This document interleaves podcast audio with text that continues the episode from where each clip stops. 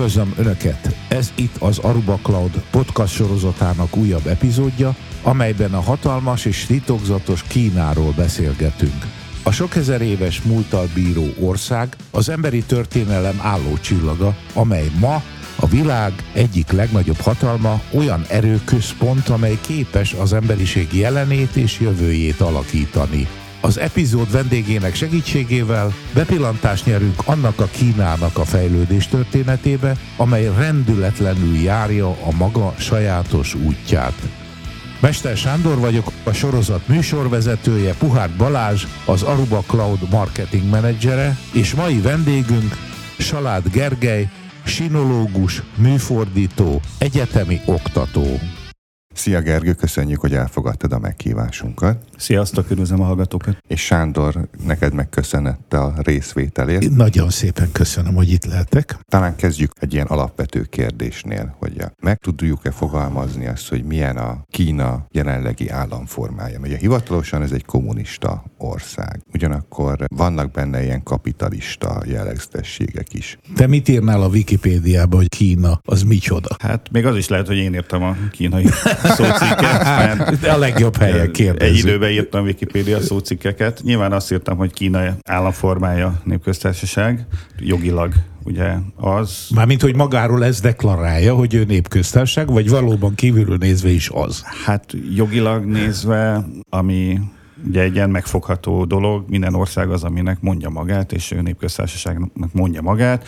Ez egy picit bővebben ki van fejtve az alkotmányban, mi szerint a kínai népköztársaság az egy, nem tudom, munkásparaszt, nem tudom, milyen osztályok által vezetett népi demokratikus diktatúra. Én tanultam. Áj, áj, áj, a diktatúra szó szerepel az alkotmányban? Igen, így igaz. Az népi nagyon- demokratikus diktatúra, és én egyébként tanultam alkotmányjogot Kínában, a Peking Egyetemen, és akkor kérdeztem a professzoromat, hogy mi ez, hogy most hogy lehet valami demokratikus is, meg diktatórikus is. Mondta, hogy hát a nép felé demokratikus, a nép ellenség felé, ellenségei felé pedig diktatórikus. Hát akkor kérdeztem, hogy és akkor ki dönti el, hogy ki a nép és ki a nép ellensége, és akkor erre valami nagyon kitérő választ adott. De hogy azért mondjak is valamit, tehát ne, ne csak a jogi összeszállhassogatást. A fogalmaink, társadalmi, gazdasági, jogi, stb. fogalmaink, azok így a 19-20. században alakultak ki a jelenségeknek a leírására, tehát a modern társadalom tudományoknak a nyelvezete, terminusai, és ezeket azért alapvetően nyugat-európai, később észak-amerikai viszonyokra találtuk ki. Tehát az, hogy mi a GDP, mi a szocializmus, mi a, nem tudom, a oszt, társadalmi osztály, mi a diktatúra, mi a demokrácia, stb. Ezek mind olyan fogalmak, amelyeket mi, fehér emberek saját magunkra találtuk ki, és akkor ezt mi meg tudjuk mondani, hogy egy adott nem tudom, ország micsoda, vagy, vagy valahol szocializmus van, vagy kapitalizmus. És olyan úgy tűnik, hogy más civilizációkra, és hát a kínai az egyértelműen más civilizáció, nem föltétlenül érvényesek ezek a fogalmak, vagy nem úgy érvényesek, mint nálunk. Tehát ez, hogy demokratikus diktatúra nyilván nálunk egy önellentmondásnak tűnik, de a kínai civilizációban remekül együtt tudnak élni évezredek óta az ellentmondásokkal. Ugye ilyen közhelyesen fogalmazva azt szokták mondani, hogy a kínai az az ések kultúrája, és nem a vagyok kultúrája. Tehát mondjuk Kínában lehet valaki egyszerre buddhista is, meg taoista is, vagy hihet ilyen istenségekben, meg olyan istenségekben, vagy Kínában lehet valami egyszerre édes is, meg savanyú is, ami, vagy nem tudom, sípős is, meg édes is. Tehát ezek az ellentmondások részei a kínai kultúrának, és ők nem nem próbálják így végigvinni logikusan az arisztotelészi logika szerint, hogy akkor végül is most A vagy B, mert ők, ők el tudják azt fogadni, hogy A is, meg B is létezik, mind a kettő igaz, annak ellenére, hogy egyébként elvileg a mi logikánk szerint kizárnak egymást. Úgyhogy a jelenlegi hát politikai, gazdasági, társadalmi rendszer is mi fogalmaink szerint tele van ellentmondásokkal, hiszen egy kommunista párt által uralt hivatalos deklarációk szerint a szocializmus építésének a kezdeti szakaszában járó nem tudom, diktatúráról vagy rendszerről van szó, amiben viszont bőven vannak kapitalista elemek is. Tehát a magángazdaság, ami a GDP-nek a nagyobbik részét adja, az iszonyatos versenyben már-már vadkapitalista viszonyok között működik, és ez megfér a kommunista pártnak az uralmával. Egyébként ez a kommunista berendezkedés, ez a kínai kultúrával könnyen összeegyeztethető, tehát a kínaiaknak a fejében mondjuk, mondjuk a kínai pártot, vagy a pártvezetést egy hasonlóképpen láthatja az átlag kínai, mint hogyan régen, mint tekintettek 5000 évvel korábban a kínai császára. Tehát ez a kulturális folyamatban van egy törés, vagy ez nagyjából egy ilyen folyamat, ami, ami végigmegy a kínai történelme. Azt gondolom, hogy van folyamatosság. Nyilvánvalóan a 20. században azért jelentős törések voltak, és ez a Kína, nem az a Kína, tehát egyfajta ilyen hibrid rendszerről, vagy akár hibrid civilizációról is beszélhetünk, mert ugye kínaiak, nagyon is kínaiak, de azért nagyon sok mindent átvettek. Nyugatról is, Szovjetunióból is, máshonnan is, tehát nem tisztán kínai az, amit most Kínában látunk, de azért nagyon is kínai. Mondjuk a demokráciának Kínában semmiféle hagyománya nincsen. Az elmúlt pár ezer évben alapvetően egy császárságon belül éltek, ahol volt egy uralkodóház, annak voltak főhivatalnokai, és az egész kormányzatot kiszolgálta egy kiterjedt és egységes ideológiájú, jól képzett írástudó hivatalnok réteg. Az, hogy egységes legyen az ideológia, azt úgy garantálták, hogy a hivatalnokoknak a konfuciánus klasszikusokból vizsgát kellett tenniük, és az lehetett a hivatalnok, aki megfelelően elsajátította, sőt interiorizálta a konfuciánus szent könyveket. Nyilván számtalan eltéréssel, de tulajdonképpen most is ez van, hogy van egy pártelit, van egy pártfőtitkár, és ezek egy kiterjedt bürokrácia segítségével kormányozzák az országot. A bürokráciának a gerincét a kínai kommunista párt adja, amelynek a káderei hát ugye folyamatos ideológiai képzésben részesülnek. És ugye történelme is azt láttuk, hogy a dolog az addig működött, amíg ez a bürokrácia ez tudta biztosítani az alapvető életfeltételeket, tehát az emberek tudtak boldogulni. Hogyha valami felborult, meg túlságosan korruptá váltak, vagy belharcok bénították meg a bürokráciát vagy a kormányzatot, akkor viszont bukott a dinasztia, háború lehet, polgárháború, vagy külső hódítók jöttek, és akkor egy idő után a káoszból kiemelkedett egy új dinasztia, és az újra teremtette a rendet. És tulajdonképpen a, a, a mostani rendszer az azért ennek a mintázatnak felelt meg, hogy ez utolsó császári dinasztia az 1911-ben összeomlott, jött a káosz, pár évtizedes polgárháború, japán támadás, második világháború, stb. Aztán az egész káoszból a kínai kommunista párt emelkedett ki győztesen, aki teremtett egy most már nem konfuciánus, hanem marxista, leninista, maoista, akármilyenista egységes ideológiai bürokráciát, ami az első évtizedekben hát pár tízmillió ember halálát okozta, de a 70-es évek végétől viszont garantálja azt, biztosítja azt, hogy a kínai emberek nagy többsége az tud boldogulni az életben, tud gyarapodni, és ezért tulajdonképpen helyreállt a régi rend, amikor a politikai ügyekben a kormányzat meg a bürokrácia dönt, de az emberek mindennapi életét alapvetően a, a saját helyi viszonyaik, munkahelyük,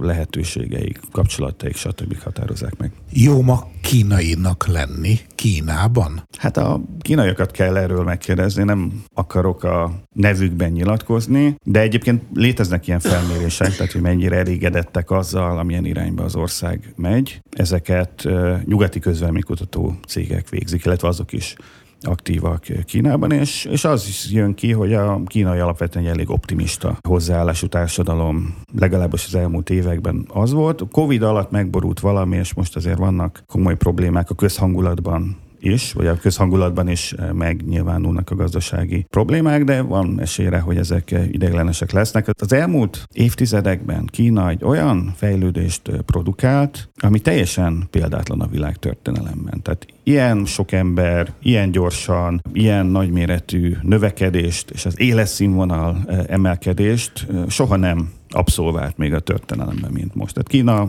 78 és mondjuk nem tudom, 2018 között annyi fejlődési utat tett meg, nem tudom, 40 év alatt, ami Európa 2-300 év alatt, vagy mondjuk Amerika 100-200 év alatt. És ez nyilván azért azzal a kínaiak, akiknek egyébként ugye nincs semmiféle összehasonlítási alapjuk és demokratikus hagyományuk, azt így ö, értékelik, hogy ez a rendszer bár nyilván van vele egy csomó kellemetlenség, meg akadályoznak minket egy csomó dologban, meg nem biztos, hogy a Xi Jinping az olyan jó fej. De azért mégiscsak négy évtizeden keresztül történelmileg teljesen példátlan gyarapodást biztosított a kínaiak túlnyomó többsége számára, és soha olyan jól a kínai egyszerű emberek, átlag emberek még nem éltek a történelemben, mint most. Egy kicsit ezt a nagy ugrást én is szeretném aláhúzni. A 90-es évek közepén informatikai újságíróként jártam Tajvanon. Akkor volt Tajvan a, a világ informatikai gyártóközpontja, és a mainland China-ról, azaz a anya Kínáról nem esett szó ilyenkor, és én nekem teljesen érthetetlen volt, hogy egy kis szigeten ugyanazok a kínaiak a szónak most ilyen fai, származási, kulturális értelmében képesek erre, és ott miért nem képesek. És ma az van, hogy kínai a mikrofon, amit használunk. Előttem egy ausztrál cucc van, de ez valószínűleg tele van kínai egységekkel. A telefonomat Kaliforniában laza csávók tervezték és Kínában gyártják. Óriás óriási a fejlődés, és ez hogyan tudott megtörténni, hogyha most ezt végig gondoljuk ilyen tömegekben, mint milliárdos népességgel és ilyen hátrányjal, ahogy elkezdték, ezt hogyan voltak képesek megcsinálni? A potenciál az benne volt a kínaiakban, tehát az elmúlt 2000 évből 1800 évig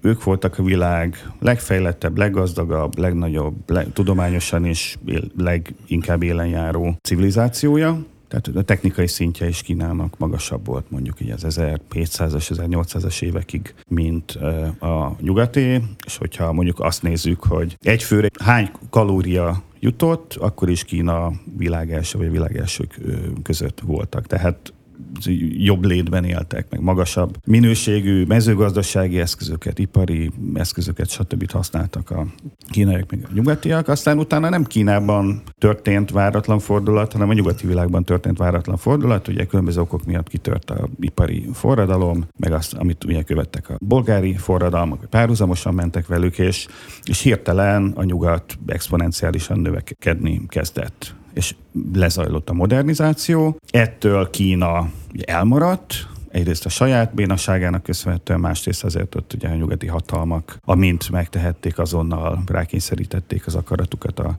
háborúknál, és az elmúlt másfél-két évszázadban a kínaiak azzal töltötték az idejüket, hogy próbálták kitalálni, hogy hogyan lehetne a, ezt a megnövekedett szakadékot Kína és a nyugati világ között átidalni és utolérni a nyugatot. Különböző válaszokat adtak a, főleg aztán a 20. században a különböző politikai kísérletek, és ezekből aztán a 70-es évek végétől, ugye Mao halála után az a Deng Xiaoping neve által fémjelzett kísérlet vált sikeressé, ami kombinálta a politikai stabilitást, rendet biztosító egypártrendszert, mondhatni diktatúrát, illetve a nyugatot felemelő kapitalizmust és a modernizáció, technológiai modernizációt. És itt tulajdonképpen két dolog kapcsolódott össze. Egyrészt hagyták a kínai embereknek, hogy dolgozzatok, gazdagodjatok, gyarapodjatok, nem államosítjuk a vagyonotokat, nem szervezünk titeket, nem tudom, népi kommunákba, többet egyebet. Azt csináltok, amit akartok, és amit megtermeltek, az a tiétek lesz.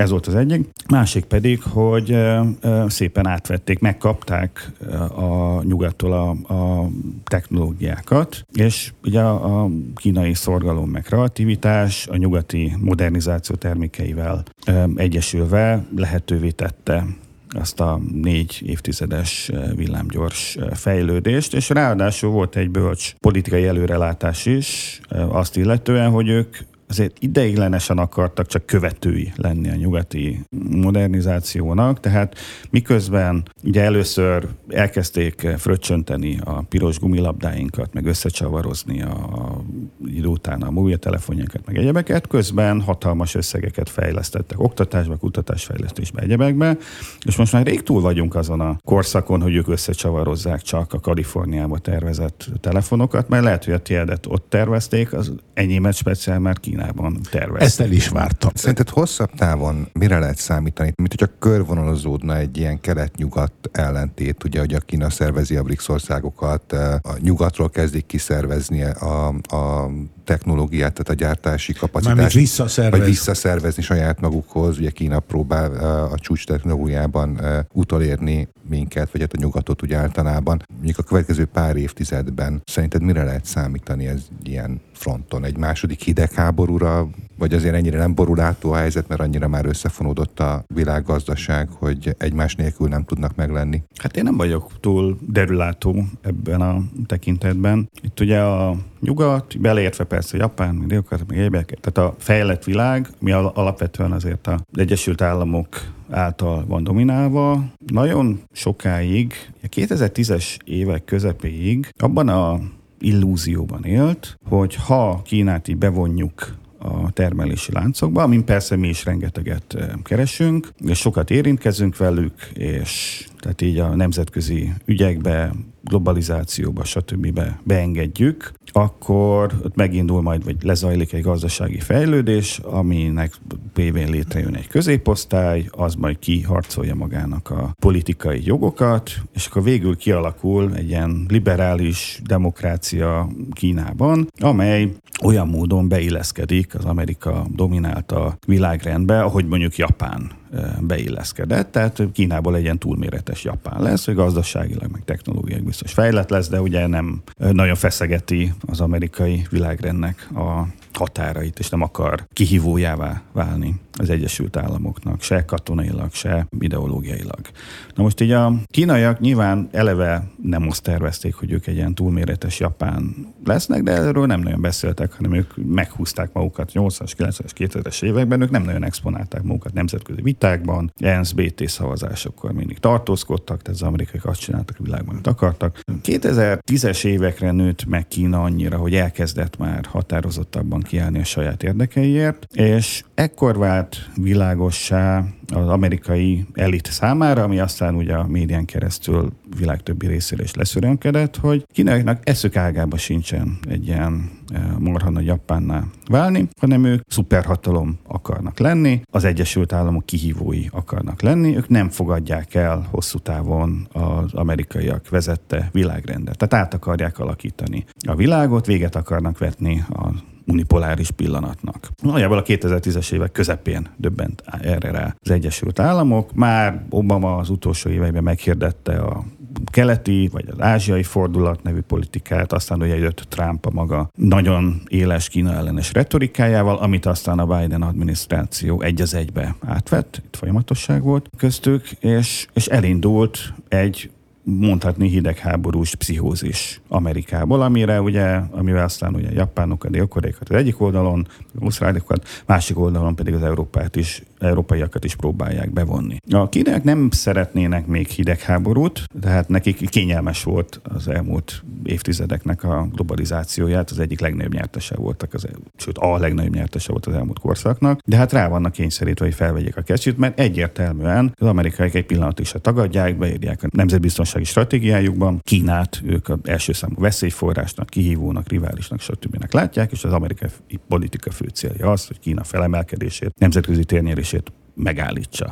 Most ez ugye lényegében maga a hidegháború, legalábbis az egyik oldalról, és amit látunk az, az az, hogy nyilván akkor a kínaiak meg az oroszokkal kezdtek el mindenféle stratégiai partnerségeket létrehozni, és elkezdték a globális délt, vagy a fejlődő országokat megszerezni. Ennek az egyik tünete ugye a BRICS, aminek éppen most volt csúcs találkozója. Elég eh, fontos eh, követelményekkel, és elkezdtek alternatívát kínálni a világ többi része számára, úgyhogy most valóban egy olyan irányba megyünk, hogy a nyugati blokk, ami végül is már készen van, az egyre inkább blokká válik, és próbálja, és, és erre válaszol, hogy Kína is próbálja a saját blokkját, vagy ilyen, nem tudom, hálózatát létrehozni, és ezt nyugodtan lehet akár hidegháború 2.0-nak is nevezni. Nyilván más ez a hidegháború, mint az előző volt, ahogy mondjuk az első hidegháború is, vagy első világháború is más volt, mint a második világháború, de mégis mind a kettőt világháborúnak nevezzük. Ezt is lehet, hogy majd hidegháborúnak fogjuk nevezni. De a kínaiaknak van egy sajátos stílus, ha szabad ilyen buta mondatot mondani, mert nyilván ez ilyen, sose, ilyen mondatok sosem igazak, de azt gondolom, hogy a kínaiak nem annyira invazívak, hogyha már szabad ezt mondanom, hogy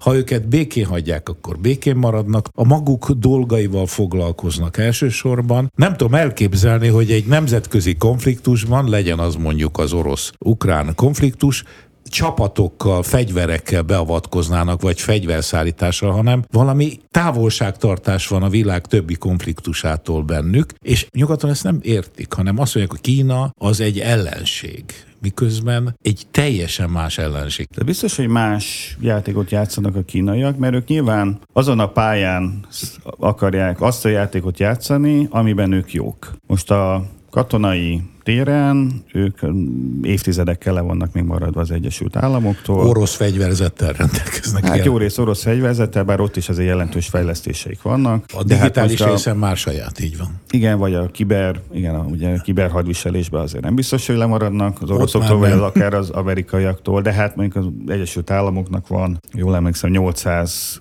tengeren túli katonai bázisa, Kínaiaknak egy. Nyilvánvalóan ugye Kínaiak nagyon sokáig el voltak zárva önkéntesen is elzárkóztak a külvilágtól, és ez is okozza azt, hogy azt látjuk, hogy nyilván nem fognak beavatkozni, nem tudom, szudáni konfliktusba, vagy bárhol katonailag, hát nem ismerik a helyi viszonyokat, messze vannak, stb. Meg, meg nem volt nagyon sokáig érdekeltségük. Azért az, hogy mennyire invazívak, mennyire nem, azt hogy meg lehet kérdezni a szomszédaikat, ők valószínűleg más mondanának. mondjuk, mondjuk a Vietnám. koreaiaknak, vagy a vietnámiaknak, ugye az elmúlt 2000 éves történelmük. Hát meg az a szigetépítéssel, ilyen... amit csinálnak a dél-kínai tengeren.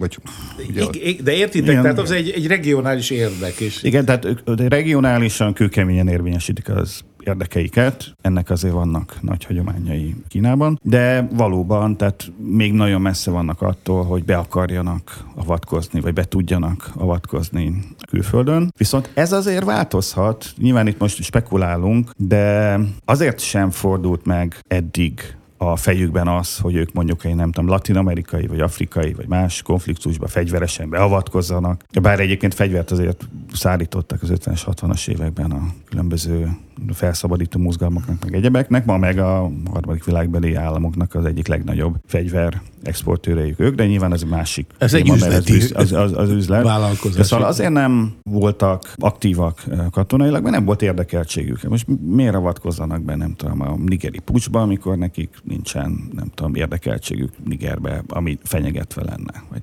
most csak így mondtam valamit, nem tudom, milyen érdekeltség Egyébként van lehet, Nigerbe. hogy most bányák vannak. miatt vannak, így van.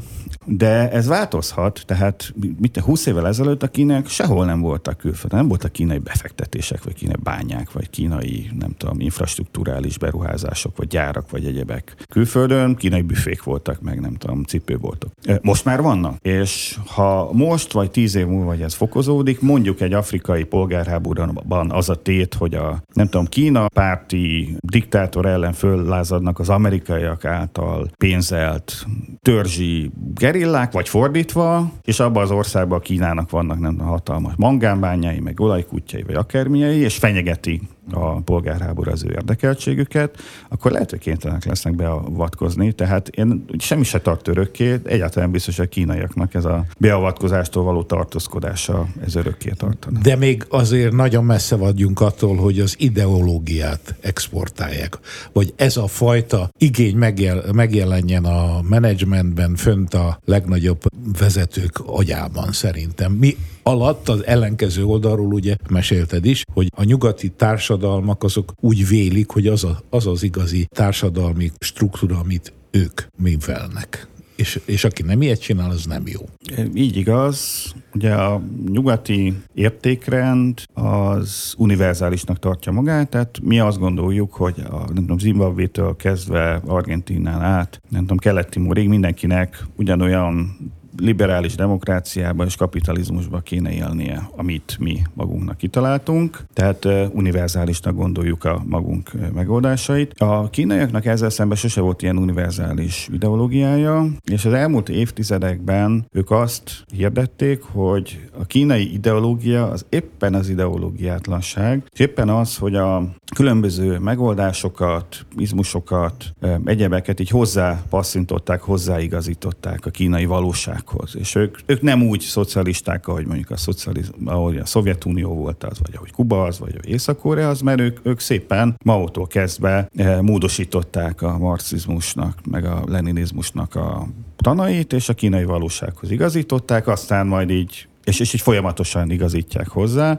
és ez máshol nem működne, tehát nekik az a sikerüknek a titka, hogy ők csak a kínai valóságból indultak ki, és nem vakon átvettek megoldásokat, és ezért az ő megoldásaikat nem lehet máshol alkalmazni, mert nyilván a nigériai valóság az más, mint a kínai valóság, tehát nem tudnak a nigériaiak számára ilyen ideológiát vagy biztos megoldásokat nyújtani, ahogy a nyugatiak azt gondolják, hogy tudnak.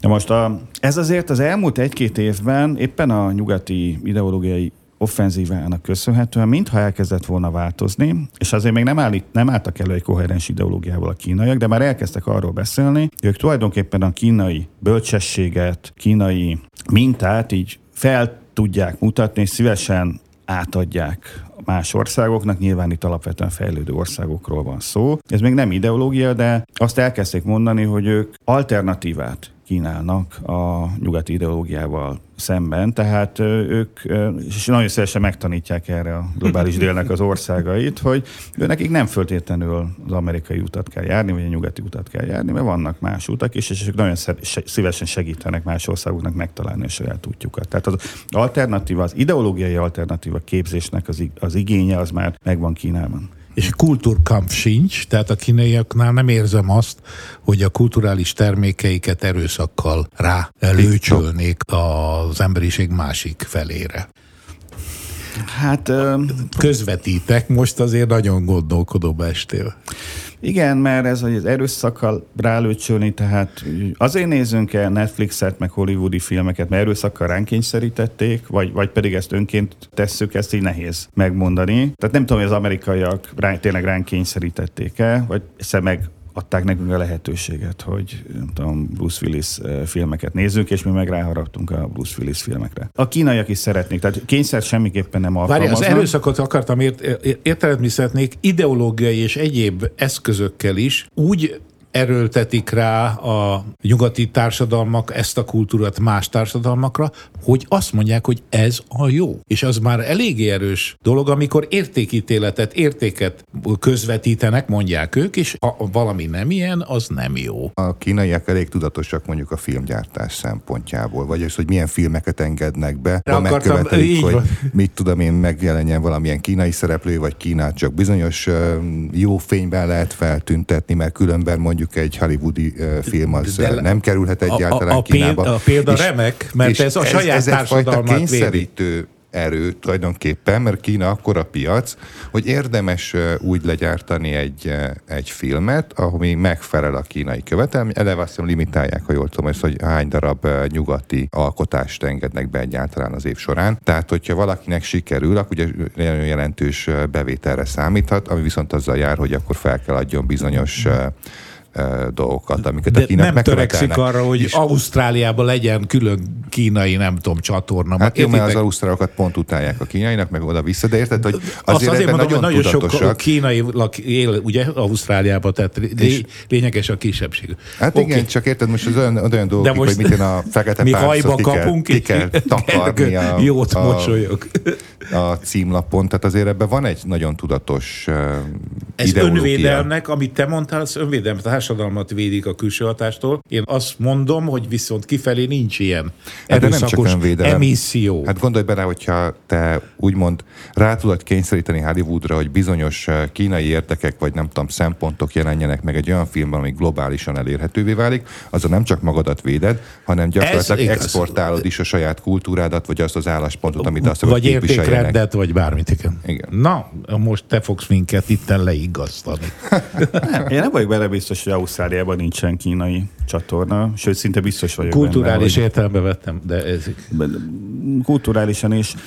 Az, az nyilvánvaló, hogy hát erőszakkal a saját kultúrájukat a kínaiak nem terjesztik. Viszont próbálkoznak a saját kultúrájuknak a népszerűvé tételével, csak nagyon bénák vele. Az az igazság, hogy a kínaiak ez egy más civilizáció, és éppen a kultúrál digitális területen a legnehezebb elfogadtatni magunkat. Mert mondjuk, hogyha csinálnak egy jó mobiltelefont, akkor hiába más civilizáció a kínai, hogyha ez jól működik, akkor ezt megveszik mindenhol a világon, vagy egy elektromos autót, vagy bármit. Ez egy ilyen üzleti tranzakció. De ha csinálnak egy olyan filmet, ami Kínában jónak számít, és a kínaiak özönlenek rá, az nem biztos, hogy nyugati kultúrában, vagy akár Afrikában, vagy Indiában, vagy máshol is működni fog. Nem tudnak olyan filmet csinálni, amit más kultúra is be tudna fogadni. És akkor ez igaz a, a popzenétől kezdve a, nem tudom, a színdarabokig, vagy a szép irodalomig, hogy ugye nekik mások a hagyományaik, máshogy néz ki egy kínai regény,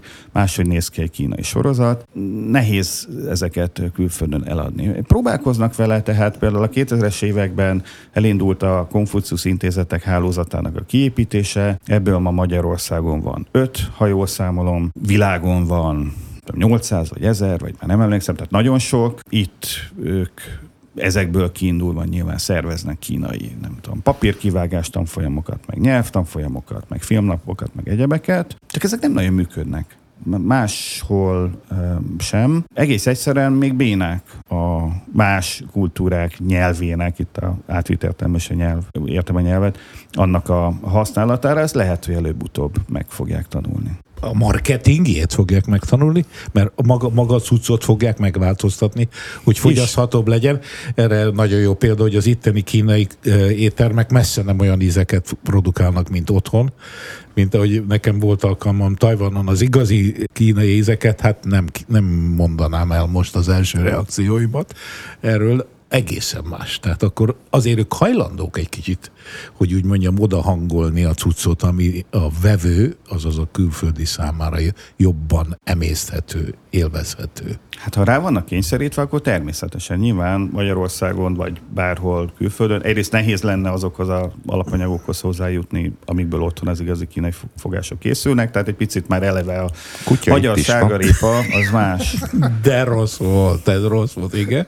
Szóval, a magyar sárgarépának más íze van, mint a kínainak, és ezzel hiába a recept az ugyanaz, ez más ez íze lesz, van, és akkor pláne nyilván, hogyha egy receptbe, nem tudom, Kínába ananászt tesznek, ami Magyarországon drága, akkor azt egy idő után elkezdik sárgarépával helyettesíteni, és akkor már teljesen más lesz a fogás. De erre rá vannak kényszerítve. Uh-huh. Most a kultúrában nincsenek arra rákényszerítve, hogy uh, fogyaszthatóvá tegyék a külvilág számára, mert akkor a kínai piac, például a kínai filmes piac az a világon a legnagyobb, nagyobb, mint az észak-amerikai, most már, hogy, hogy az tulajdonképpen elégséges nekik. Vagy azt, azt gondolják, hogy elégséges nekik, vagy hogyha egy filmet úgy kell módosítani, hogy az a nyugati igényeknek is megfeleljen, az meg lehet, hogy a kínai piacon bukna meg.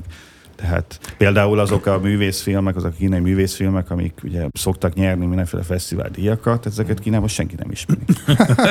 Egyébként itt Tájvánt emlegettük már, és akkor megkérdezném, hogy ez nyilván egy tyútyópontja lehet egy, egy esetleges amerikai-kínai konfliktusnak. Hogy szerinted a, az orosz-ukrán háború például az befolyással van-e, vagy volt-e arra, hogy hogyan áll eh, hozzá Kína Tájvánhoz? Vagy ottan azért egy esetleges támadás is benne volt a kínai kínaiak részéről a pakliban, hogyha, hogyha barátságosan nem tudnak egyesülni. Ugyanakkor szerintem arra nem nagyon számított senki, hogy az ukránok képesek ellenállni Oroszországnak, és arra sem feltétlenül, hogy ebből egy ilyen globális kérdés lesz. Tehát valószínűleg a kínaiak is inkább úgy nézték ezt, meg az oroszok is valószínűleg úgy számítottak rá, hogy ők gyorsan lerohanják Ukrajnát, bekebelezik az egészet, és amire a nyugat magához tér, vagy felébred, vagy egyáltalán kitálják, hogy mit mondanak, addigra ma túl vannak az egész konfliktuson. És nem ez történt, mint ahogy azt láttuk. Vajon ez a Kínának Kínának a terveit befolyásolja-e?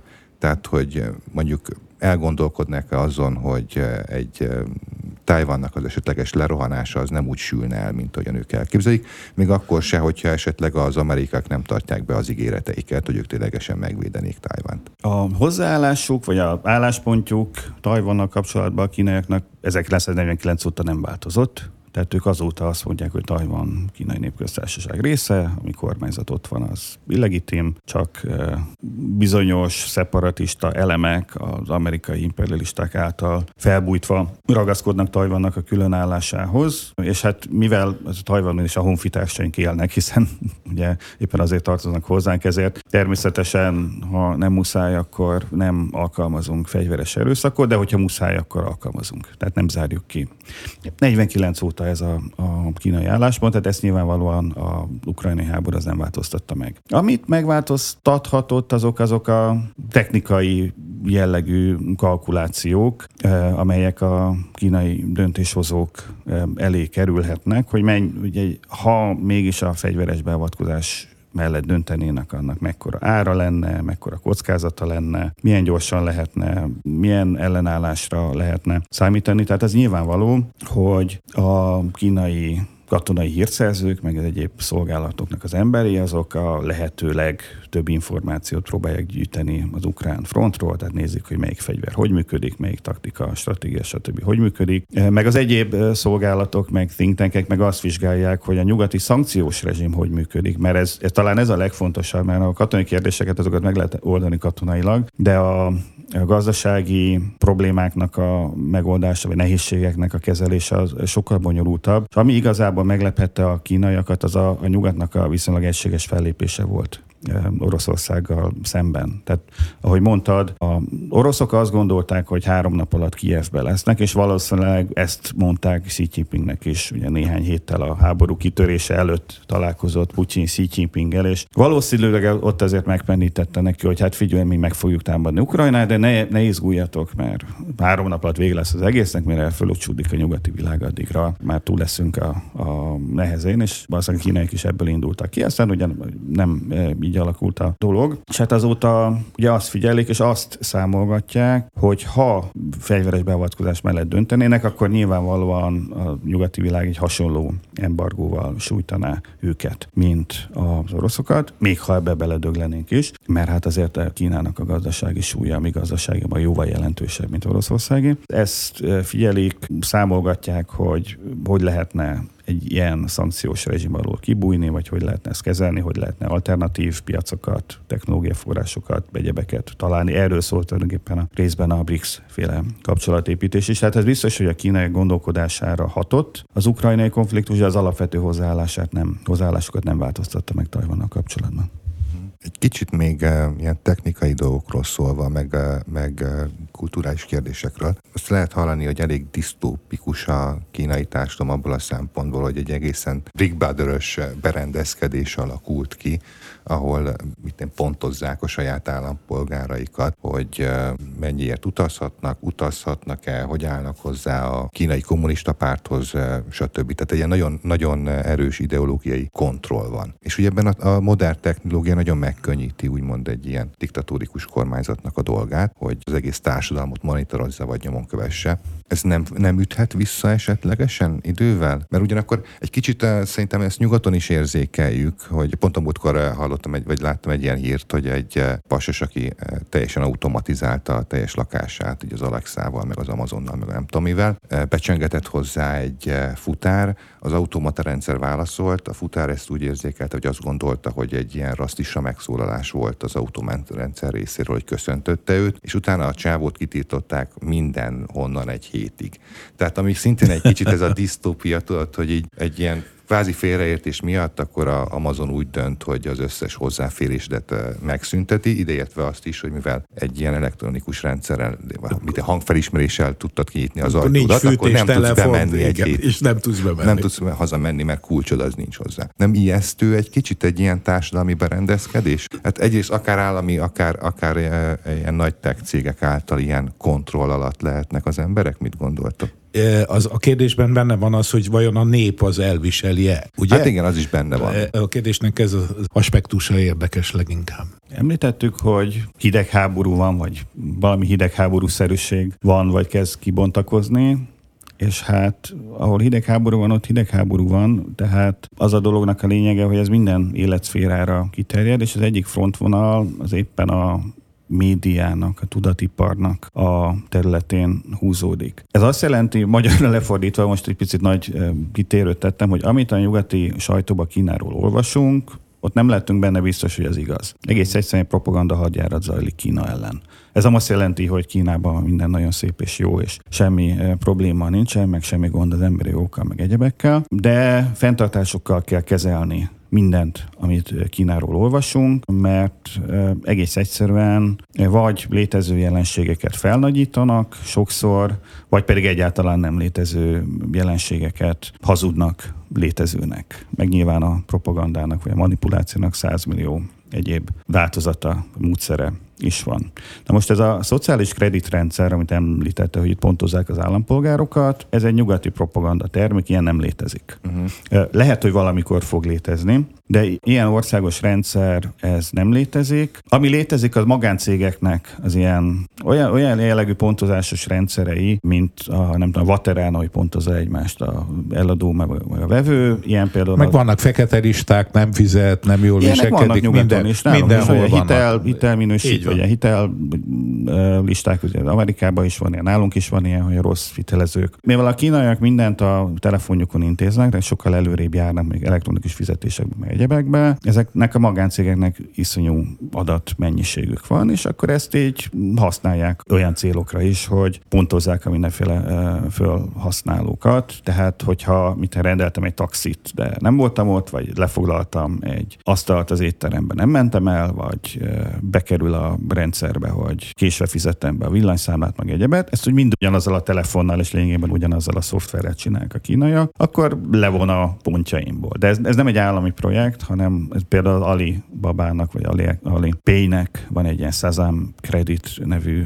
szolgáltatása, és ez tényleg pontozza az embereket. Ha meg nem tudom, visszaviszem időbe a könyvtárba a könyvet, meg egyebeket, azt is itt intézem, akkor, akkor meg felpontoz. És ennek tulajdonképpen felhasználók, legalábbis a középosztály, ez nagyon örül, mert uh, nyilván a megbízható emberek, azok előnyt élveznek, és hogyha mondjuk százból százszor semmi gond nem volt a bicikli kölcsönzéseimmel, mindig időbe visszavittem, meg kifizettem, akkor 101 egyszerre már nem kell kauciót fizetnem, és uh-huh. magas a pontszám. És akkor ezzel a Szezám pont, ponttal ezzel csajozni lehet. Tehát ezzel a, a házasság, vagy az ilyen párkereső oldalokra a fiatal emberek fölírják, hogy nekem nem tudom, 842 a Szezám pontom, mert akkor lát, látják a lányok, hogy itt egy komoly, megbízható fiatal emberről van szó.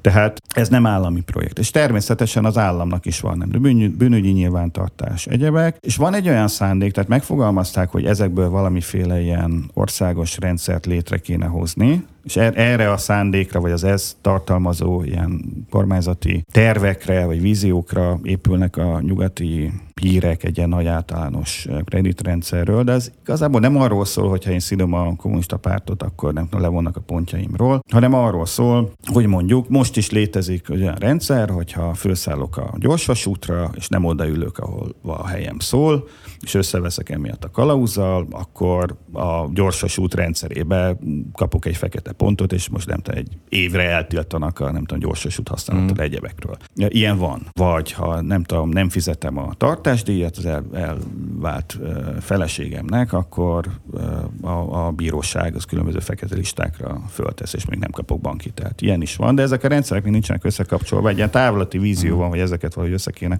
de nem kapcsolni, de ezekből egyelőre még nincs. Jelenleg az kérdés lehet, hogy és ezekhez a rendszerekhez vannak elérése, hogy beléphet-e a megfelelő szerv Kínába. Ez is egy lehetősége annak, hogy transzparensé válik az állampolgár, hogy gyönyörű. Is, ismersz olyan országot, ahol nem léphet be? Én csak hát ez egy, hát a, az, ezeknek a szerveknek az a dolguk, hogy ezekhez a rendszerekhez Tehát magyarul, ha gyűjt, gyűjtenek bárhol, bár, bármilyen célból adatokat valakiről, jogilag felhatalmazva, demokráciákban, diktatúrákban nem felhatalmazva, bele tud nézni az állam. Nyilvánvalóan bele tud nézni, és nyilván olyan jellegű garanciák, mint mondjuk a nyugati országokban, nem tudom, bírói felhatalmazás kell ehhez. Meg, meg GDPR, meg. Ilyen Kínában nem nehezíti a hatóságoknak a dolgát, de hát azt, azt látjuk, hogy mondjuk a NSA botránynál is ugye kiderült, hogy Amerikában se, nagy, se volt bírósági engedélye hmm. a NSA-nek, mindennek azoknak az adatoknak. Csak jobb a... a marketing. Egyébként még egy pillanatra maradva a hidegháborúnál, lehetséges-e úgy tekinteni a TikTokra, mint egy ilyen mentális csapásra a nyugattal szemben? Azért, azért kérdezem, mert ugye nem tudom, hogy a Ez már mennyire, többször, igen. mennyire ismered, de ugye nagyon vegyes hát minőségű tartalmak találhatóak meg a TikTokon, és ugyanakkor a múltkor láttam egy ilyen videót, ami arról szólt, hogy a TikTok kínai megfelelője tulajdonképpen nagyon redukált olyan szempontból, hogy milyen, milyen tartalmak kerülhetnek fel.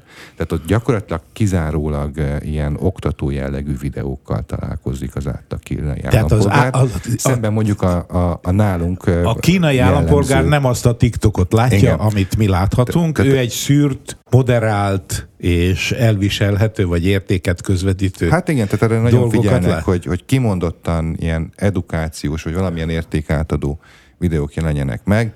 Szemben mondjuk azzal a TikTokkal, ami, ami nálunk vagy nyugaton úgy általában jellemző, hogy bármilyen idiótaság fölkerülhet. Nem biztos, hogy ennek kulturális szempontból pozitív hatása van egyébként úgy általában a társadalomra. Mint egy hozzájárul a nyugati társadalmak elmocsarasodásához. Na, most ezt. Hát én azt gondolom, hogy a TikTok az egy ilyen mentális csapás a világra nézve, de nem azért, mert kínai. Igen. Hát ugye van, vannak hasonló nyugati tulajdonképpen koppintások, tehát még YouTube Shorts vagy egyebek, azok ugye a TikTok után alakultak, és a TikTokot próbálják megverni és nem biztos, hogy a YouTube Shortson jobb videók vannak, mint a TikTokon. TikTok az egy magánvállalat, amely kitalált egy olyan terméket, tehát tulajdonképpen sok újdonság nincsen benne, de valahogy úgy tudta innen-onnan összelopogatott ötleteket összekombinálni, hogy a nyugati világban is rá haraptak az emberek, és akkor nyilván hát egy magánvállalatra van szó, aminek a profitra van, vagy profitot akar termelni, és ezért nagy terjeszkedésbe kezdett. Ez ugye kellenek a nyugati felhasználók is. Nem hinném, hogy a központi bizottság összeült és kitalálta, hogy majd így fogják a nyugati fiatalokat elhűíteni, mert azok amúgy is hülyék, meg amúgy is hűítik már magukat. Hogyha nem ezzel, akkor valami mással hűítenék eh, magukat. Arra is rájöttek, és ez egy nagyon nehéz küzdelem Kínán belül is, hogy egész egyszerűen ezek a szociális hálózatok, internet, játékok, stb., ezek veszélyeztetik a következő generációknak a életét, mentális egészségét, testi egészségét, egyebeket, meg hogy a saját cégeik. Kínában csak a saját cégek működtetnek, tehát a Facebookot ilyesmit már rég kitiltották, már bő évtizede, de hogy ezek kezében óriási adatmennyiség, és ezzel óriási hatalom halmozódott föl, és ezért zajlik évek óta egy ilyen kampány ezeknek a cégeknek a megregulázására. És ez nem tudom, hogy mennyire ilyen szélmalomharca vezetés részéről, mert nyilván, hogyha, te, például van ilyen, hogy néhány éve megmondták, hogy egy gyerek az hány, napi hány órát, vagy heti hány órát játszhat a kütyűjével. De hát nyilván ezt így gyerek az nem hülye, tehát kölcsönkéri a nagymamája a telefonját, és akkor azzal is játszott, stb. stb. Vagy nyilván ez van ezzel, ezzel a kínai TikTokkal, a Douyin-nel is, hogy lehet, hogy ott most bizonyos tartalmakat éppen szűrnek, de hogyha a cég az érzékeli, hogy egy picit lazult a hatóságoknak a figyelme, akkor biztos, hogy azonnal azokat a tartalmakat is ki fogják engedni, amik lehet, hogy nem oktató jellegűek, viszont a fiatalok kíváncsiak rá, és profitot lehet velük termelni. Tehát egy ilyen húz meg, erez meg játék megy évek óta nagy kínai tech cégek, illetve a kínai kormányzat között. És azt látjuk, hogy nyilván így kívülről nézve nyilván a kínai kormányzat az erősebb, mint a tech cégek, de azért így hosszú távon az életet, meg a nem tudom, 1,4 milliárd embernek az igényeit nem lehet teljesen átszabni, meg valóságidegenné tenni, úgyhogy én azt gondolom, hogy ez a küzdelem ez még folytatódni fog, és hogyha éppen a kínai TikTokon nem tudom, csak oktató videók mennek, akkor abba a pillanatban a kínai gyerekek át fognak állni egy konkurens cégre, amire még nem figyelt fel a kínai állam, még nem szűri egyéb egy, eléggé, és hogyha azt is átalakítja, és ott is majd csak ilyen oktató videók mennek, akkor jön egy harmadik cég. Tehát ez egy ilyen macska-egér játék, ami évekig, évtizedekig fog tartani. Sajnos nagyon elszaladt az időnk, pedig még biztos nagyon sok érdekes dolgot lehetne beszélni hát egy Kínáról. Kínáról néhány hetet el lehetne tölteni beszélgetésre. Vagy visszaívunk máskor is. Sándor, egy záró kérdést még megengedsz? Vagy, Persze, vagy... belefér, hogy ne. Jó, ez egy, egy kicsit ilyen személyes jellegű kérdés. Miért döntöttél te amellett, hogy eh, Kína kutató, sineológus. Hogy az leszel. életedet föltetted Kínára. Hát lustaságból. Na, ez erre nem számítottam. Mert hogy ez belós dolog, az biztos. Nekem... Például meg kell tanulni kínaiul, az a, úgy, úgy kezdődik az egész. Hát ott nem, nem én hoztam a döntést. A, én történetem az, hogy nekem édesanyám is Kína kutató volt. Így, család. És mint ilyen, ő kikerült Kínába, tehát ő alapvetően kutató volt, de egyszer csak kinevezték Pekingben nagykövetnek, amikor én 17 éves voltam. És akkor az a család ment vele, úgyhogy nekem is szóltak, hogy búcsúzz el a barátaitól, mert hamarosan felülök egy repülőre, és akkor négy évig nem látod őket, vagy csak nyári szünetben. És akkor így eh, kikerültem Pekingbe, ahol engem beírattak egy kínai iskolába, mert hogyha már Pekingbe vagy, akkor minek menjek, nem tudom, angol vagy orosz iskolába menjek kínaival. Ott ugye rá voltam kényszerítve, hogy valamennyire megtanuljak kínaiul. Ez még mindig nem volt egyértelmű, hogy jó, akkor én most Kína kutató leszek, hanem amikor négy év után hazajöttünk, akkor én elvégeztem a felső középiskolát, illetve még egy évet egyetemre is jártam ott, akkor fenyegetett a veszély, hogy elvisznek katonának, mert 90-es években Akkor még volt, volt ilyen. Volt ilyen, és hát nekem ugye volt egy gimnáziumi végzettségem, és hogyha hazajövök, akkor még simán elvittek volna, kivéve, hogyha felvesznek valahova egyetemre. De miután magyar érettség nem volt, máig nincsen. Elég jól vagy a kül is azért. Igen, de hogyha például valahol ki van írva, hogy nem tudom, érettségizet eladót felveszünk, akkor oda én nem jelentkezhetek.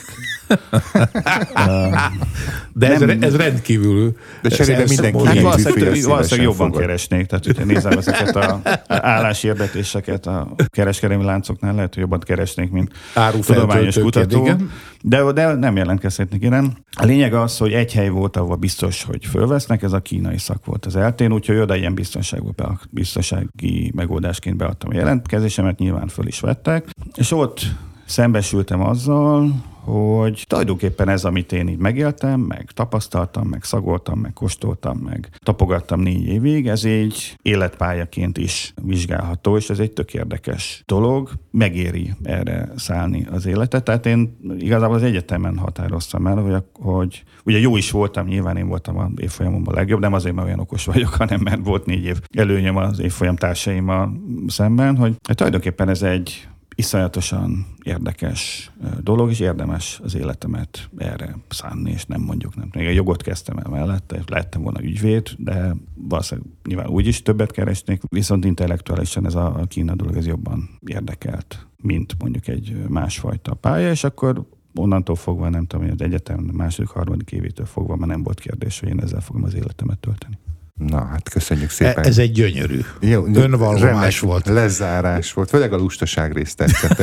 Igen, bocsánat, az ugye egyrészt félelemből a katonaság, a lustaság az úgy jött ide, hogy nyilván már tudtam kínaiul, tehát hogyha hmm. kitalálom, hogy én tudós leszek, de skandinavista, vagy nem tudom, biológus, vagy egyebek, akkor, akkor újra, újra kellett, kellett volna tanulni, így meg azért a, pont a legnehezebb része a dolognak, a nyelvtudás, az, az azért már adva volt. Hát azt mondják, hogy a lustaság az a kreativitásnak az alapja egyébként, szóval...